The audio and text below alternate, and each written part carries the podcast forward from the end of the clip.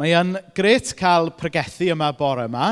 Mae di bod yn lot o wythnosau ers i fi bregethu ar fore di syl. Achos bythefnos yn ôl oedd gyda ni'n ffrind ni Cang Santan yn pregethu. Bythefnos cyn hynny oedd gyda ni oedfa teulu a pasg, a wedyn, bythefnos cyn hynny, o'n i'n cael babi, wel, ddim fi, ond mena. So mae wedi bod yn rhyw chwech wythnos ers i fi bregethu yn oedfa bore.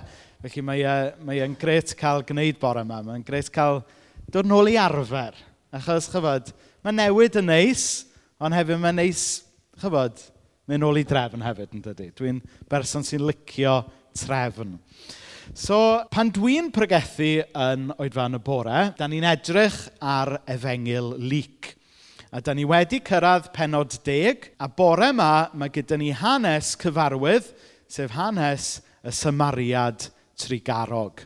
Felly mae'r darlleniad bore yma yn dod o Luc deg dechrau darllen yn adnod 25. Un tro, safodd un o'r arbenigwyr yn y gyfraith ar ei draed i roi prawf ar Iesu. Gofynodd iddo, athro, be sy'n rhaid i mi wneud i gael bywyd tragwyddol? Atebodd Iesu, o beth mae cyfraith Moses yn ei ddweud – Sut wyt ti'n ei ddeall? Meddai'r dyn, rwy ti garu'r arglwydd dy ddew ath holl galon, ac ath holl enaid, ath holl nerth, ac ath holl feddwl. A rwy ti garu dy gymydog fel rwy ti'n dy garu dy hun. Rwy ti'n iawn, meddai Iesu. gwna hynny a chei di fywyd. Ond roedd y dyn eisiau cyfiawnhau ei hun. Felly gofynodd Iesu, ond pwy ydy fy nghymydog i? Dyma sut atebodd Iesu. Roedd dyn yn teithio i lawr o Jerusalem i Jericho, a dyma ladron yn ymosod arno. Dyma nhw'n dwy'n popeth oddi arno, ac yna i giro cyn dianc. Cafodd ei adael bron yn farw ar ochr y ffordd. Dyma offeiriau diddewig yn digwydd o teibio, ond pan welodd y dyn yn gorwedd yno, croesodd i ochr arall y ffordd a mynd yn ei flaen. A dyma un o lefiau dydemel yn gwneud yr un peth. Aeth i edrych arno, ond yna croesi'r ffordd a mynd yn ei flaen. Ond wedyn, dyma Samariad yn dod i'r fan lle roedd y dyn yn gorwedd. Pan welodd e'r dyn, roedd yn teimlo trienni drosto. Aeth ato a rhwymo cadachau am ei glwyfau a'i trin gyda olew a gwyn. Yna cododd y dyn a'i roi ar gefn ei asyn ei hun a dod o hyd i leti a gofalu amdano yno. Y diwrnod wedyn, rhoddodd o ddau ddenariws i berchenog y llety. Gofala amdano, meddai wrtho, ac os bydd costau ychwanegol, gwna i dalu ti y tro nesaf byddai i'n mynd heibio. Felly, meddai Iesu, yn dyfarn di, pa un o'r tri fi'n gymydog i'r dyn wnaeth y lladron ymosod arno. Dyma'r arbenigwr yn y gyfraith yn ateb, yr un wnaeth ei helpu, a dywedodd Iesu, dos dithau a gwna'r un fath. Nawr mae dameg y Samaria Trigarog, mae e'n un o'r damhegion mwyaf enwog yn y Beibl falle. Mae e yn stori falle i chi sydd wedi magu yn dod i'r capel, mae un o'r storys da chi'n cofio o ysgol Sul. Hyd yn oed os ych chi ddim wedi cael eich magu yn y capel, da chi siwr o fod wedi clywed am stori y Samariad yn yr ysgol falle.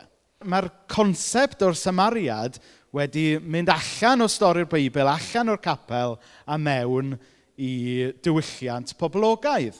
Mae yna elusen enwog yn does wedi cael ei enwi, uh, wedi ysbrydoli gan y stori yma, sef elusen y, y Samaritans.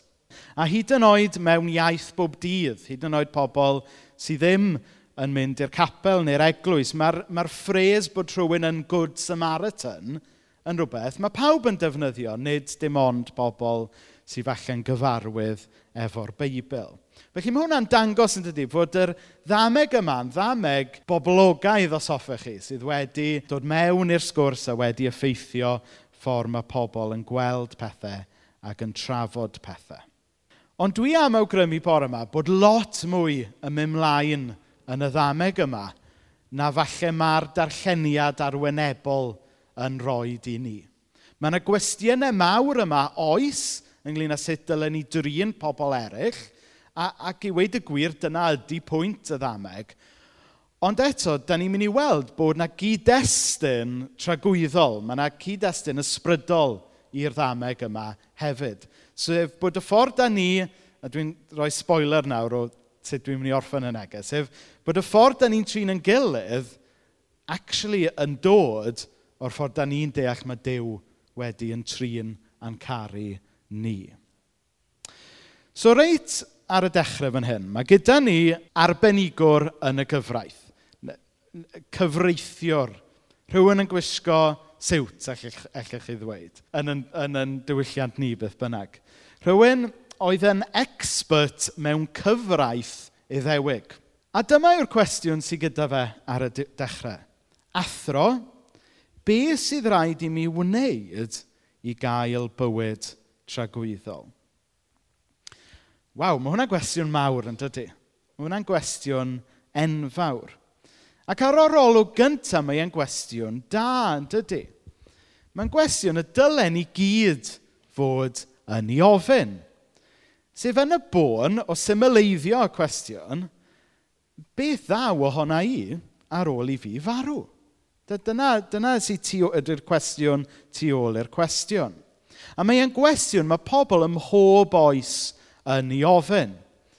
Mae'n gwestiwn falle yn yn diwylliant cyfoes mae pobl yn ofyn i ofyn. Mae'n gwestiwn mae pobl yn dawnsio i gwmpas yn hytrach na'i ofyn yn stret. Sef beth sy'n mynd i ddigwydd i fi ar ôl i fi farw. Dyw pobl dyddi yma ddim yn hoffi trafod marwolaeth, na. Mae pobl yn defnyddio euphemisms. Mae pobl yn defnyddio rhyw rhyw iaith a rhyw concepts um, sort of eri-fferi wrth, wrth drafod marwolaeth. Yn ytrach na jyst gofyn yn stret, fel mae'r gŵr yma, athro, beth sy'n rhaid i mi wneud i gael bywyd tragwyddol? Na dydd Gwener, o'n i'n arwen crebrwng ym Mhen y Groes. Gyda'r rhan fwyaf o bobl yna'n gwisgo di a gwyn. Oedd yna rhai'n gwisgo teis coch hefyd, a gewch chi'r hanes yna gen i neu Helen ar y diwedd falle. Ond yn gyffredinol, y pobl yn gwisgo di a gwyn. Ac un o'r rhesymau mae pobl yn gwisgo di a gwyn mewn yngladd yw oherwydd bod marwolaeth yn fater di a gwyn yn dydy. Statistically, mae gyda chi one in one chance o farw. Mae pawb yn wynebu marwolaeth rhywbryd. Ac felly mae'r cwestiwn yma'n gwestiwn pwysig i bawb feddwl amdano. A mae trywydd cwestiwn yma gan y cyfreithiwr yn iawn. Ond, mae yna un fflo mawr yn y cwestiwn yma gan y cyfreithiwr. Mae'n gofyn beth sy'n rhaid i mi wneud i gael bywyd tragwyddol. Neu fel mae'r hen gyfieithiad yn dweud, beth sy'n rhaid i mi wneud i etifeddu bywyd tragwyddol tragwyddol. Lle mae e wedi mynd yn wrong yw bod e'n meddwl bod e'n gallu gwneud rhywbeth i gael bywyd tragwyddol. Os ych chi'n meddwl am etifeddiaeth, um, inheritance, does dim byd chi'n gallu wneud i ennill inheritance. Na, mae inheritance yn rhywbeth da chi'n ei gael fel rhodd. Anrheg yw e. Da chi'n cael drwy fod yn blentyn i rhywun, neu wedi'ch mabwysiadu. Mae, mae inheritance, dyw e ddim yn rhywbeth chi'n gallu fatha wneud digon o shift o hyn a wedyn i chi'n wedi wneud digon er mwyn cael inheritance. Mae holl bwynt inheritance yw bod e yn cael ei roed fel rhodd i chi, anrheg, am ddim. Ac felly, er bod y cyfreithiwr yn sort of yn gofyn cwestiwn iawn, mae'n dod at y cwestiwn o'r cyfeiriad anghywir – Chi'n deall beth sydd gyda fi? Mae, mae e'n meddwl o gwmpas y peth iawn, ond eto mae'r cwestiwn yn fflod. Achos dim byd ni'n gallu gwneud i ennill bywyd tragwyddol. Mae bywyd tragwyddol yn rodd sy'n cael ei roed i ni gan ddew. Achos bod dew yn ddew cariad a bod dew yn ddew gras. Ac ystyr gras yw rhodd sy'n gofyn dim byd yn ôl. Ystyr gras yw bod dim byd allwn ni wneud i ddew garu ni llai, a dim byd y gallwn ni wneud i ddew garu ni mwy. Mae gras dew jyst yn ddiamod ac, ac yn cael ei roed i ni fel anrheg. Hoch bwynt y newyddion da chrysnogol yw fod bywyd tragwyddol yn rodd i ni. Dyw e ddim yn rhywbeth y gallwn ni wneud dim byd i'w ennill. A mae hwnna'n newyddion da, yn dydy. Achos does dim un diwrnod lle i fi ddim yn baglu. Falle bod fi, chybod, yn gallu gwisgo siwt di Gwener ac edrych yn smart. Falle bod fi'n gallu gwisgo Cris di Sil, falle bod fi'n gallu... Falle bod fi'n gallu edrych yn fachgen bach da. A mae'n eich mena ddweud, mod i ddim, dwi'n mynd yn flin, dwi'n cochi tymer, dwi... Hynny yw, does dim un diwrnod lle da ni'n syrthio'n fyr o safon dew. Ond y newyddion da yw bod ni ddim yn etifeddu bywyd tragwyddol oherwydd unrhyw beth da ni'n gallu gwneud. Da ni'n cael bywyd tragwyddo fod Iesu wedi wneud rhywbeth drosto ni. Mae'n cael ei roi fel rhodd i ni. Ond, mae Iesu yn ateb fel hyn. Mae ar yr olwg gyntaf, mae'n ymddangos fel bod Iesu'n mynd i wrthweud popeth i fi newydd ddweud nawr. Mae Iesu'n ateb fel hyn. Atebodd Iesu, wel be mae cyfraith Moses yn ei ddweud? Sut wyt ti'n deall? Meddai'r dyn, rwy ti garu'r arglwydd y ddew ath holl galon ac ath holl enaid ath holl nerth a holl feddwl, a rwy ti garu dy gymydog fel rwy ti uh, garu dy hun. Rwy ti'n iawn, meddai Iesu, gwna hynny a chei di fywyd. So ar yr olwg gyntaf mae Iesu'n dweud, wel ie, yeah, actually, ti yn gallu ennill bywyd tragwyddol. A ti'n ennill bywyd tragwyddol trwy wneud hyn. So ydy Iesu'n dweud fod modd i ni ennill bywyd tragwyddol? Wel, ydy a nadi. A dwi jyst mynd i rhannu quote ganddo chi sy'n esbonio peth yn well na allai i. Indeed, anyone who can meet such a standard does not need grace. But the standard is to love God unfailingly with all one's heart, mind, soul, and strength. And consistently love the neighbor as much as the self. As Paul says, the problem is not the law, the problem is that we cannot keep it. Here, the standard set by Jesus eludes our finest efforts. To put it another way, the lawyer asks, What must I do in order to inherit eternal life? Jesus replies, You must jump over this 10 foot fence. A, a chi'n chi deall beth sy'n mynd mlaen fan hyn? Y pwynt ydy, mae, mae safon Dyw mor dda a mor sanctaidd a mor uchel yn y nerth ni yn hunain allwn ni ddim wneud e. Cariad Dyw sydd yn yn cyrraedd ni. A wedyn, da ni'n cael yn rhyddhau i fyw bywyd yng ngoleini y cariad yna. Oherwydd fod Dyw wedi'n caru ni, da ni'n cael yn rhyddhau wedyn i garu pobl eraill – yng ngoleuni y cariad yna. Problem y cyfreithiwr oedd bod yn rhoi y gert o flaen y ceffil. So mae, da ni'n mynd mewn wedyn i edrych ar yr ail gwestiwn mawr sydd yn yr hanes yma. Ond pwy ydy fy nghymydog i? Ten foot fence neu beidio. Oedd y cyfreithiwr yma mynd i drio neidio offens. Ac oedd e eisiau gwybod pwy oedd i gymydog e. A mewn ymateb i'r cwestiwn yma, mae Iesu wedyn yn adrodd yr hanes cyfarwydd o ddameg y Samaria Trigarog. So mae yna ddyn oedd mwy na thebyg yn iddew yn teithio o Jerusalem i Jericho. Mae yna ladron yn ymosod arno fe, mae'n cael ei giro a mae'n cael ei adael heb ddim. Mae yna offeiriad iddewig yn pasio heibio, ond mae e rhy brysur, neu mae fe'n ofn bod e'n mynd i gael ei amhuro. Mae cwrdd am ddeg o'r gloch, a mae ar frys i gyrraedd y cwrdd erbyn deg. Wedyn, mae'r lefiad yn pasio. Lefiad oedd swyddogion oedd yn gweithio yn y deml. Ond eto, dyw e methu stopio. Mae, mae rhaid fy wneud y baned cyn bod y cwrdd yn dechrau. Ond wedyn, mae'r symariad yn pasio heibio. A mae e'n ei helpu fe. Mae'n ei gario fe i'r dre agosa, mae'n mynd yr ail filltir, mae'n talu iddo fe gael aros mewn rhywle. A mae'n dweud os oes rhaid fe aros yn hirach, na i setlo'r bil tro nesaf fyddai'n pasio heibio.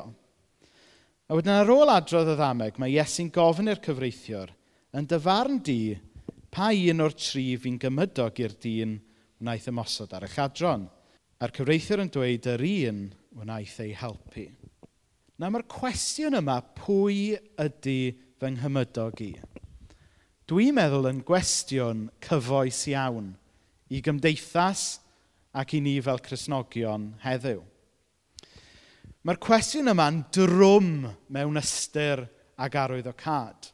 A mae e'n gwestiwn, dwi'n meddwl, mae'n ma gwlad ni yn gyffredinol yn ei ofyn heddiw. Pwy ydy fy nghymydog i?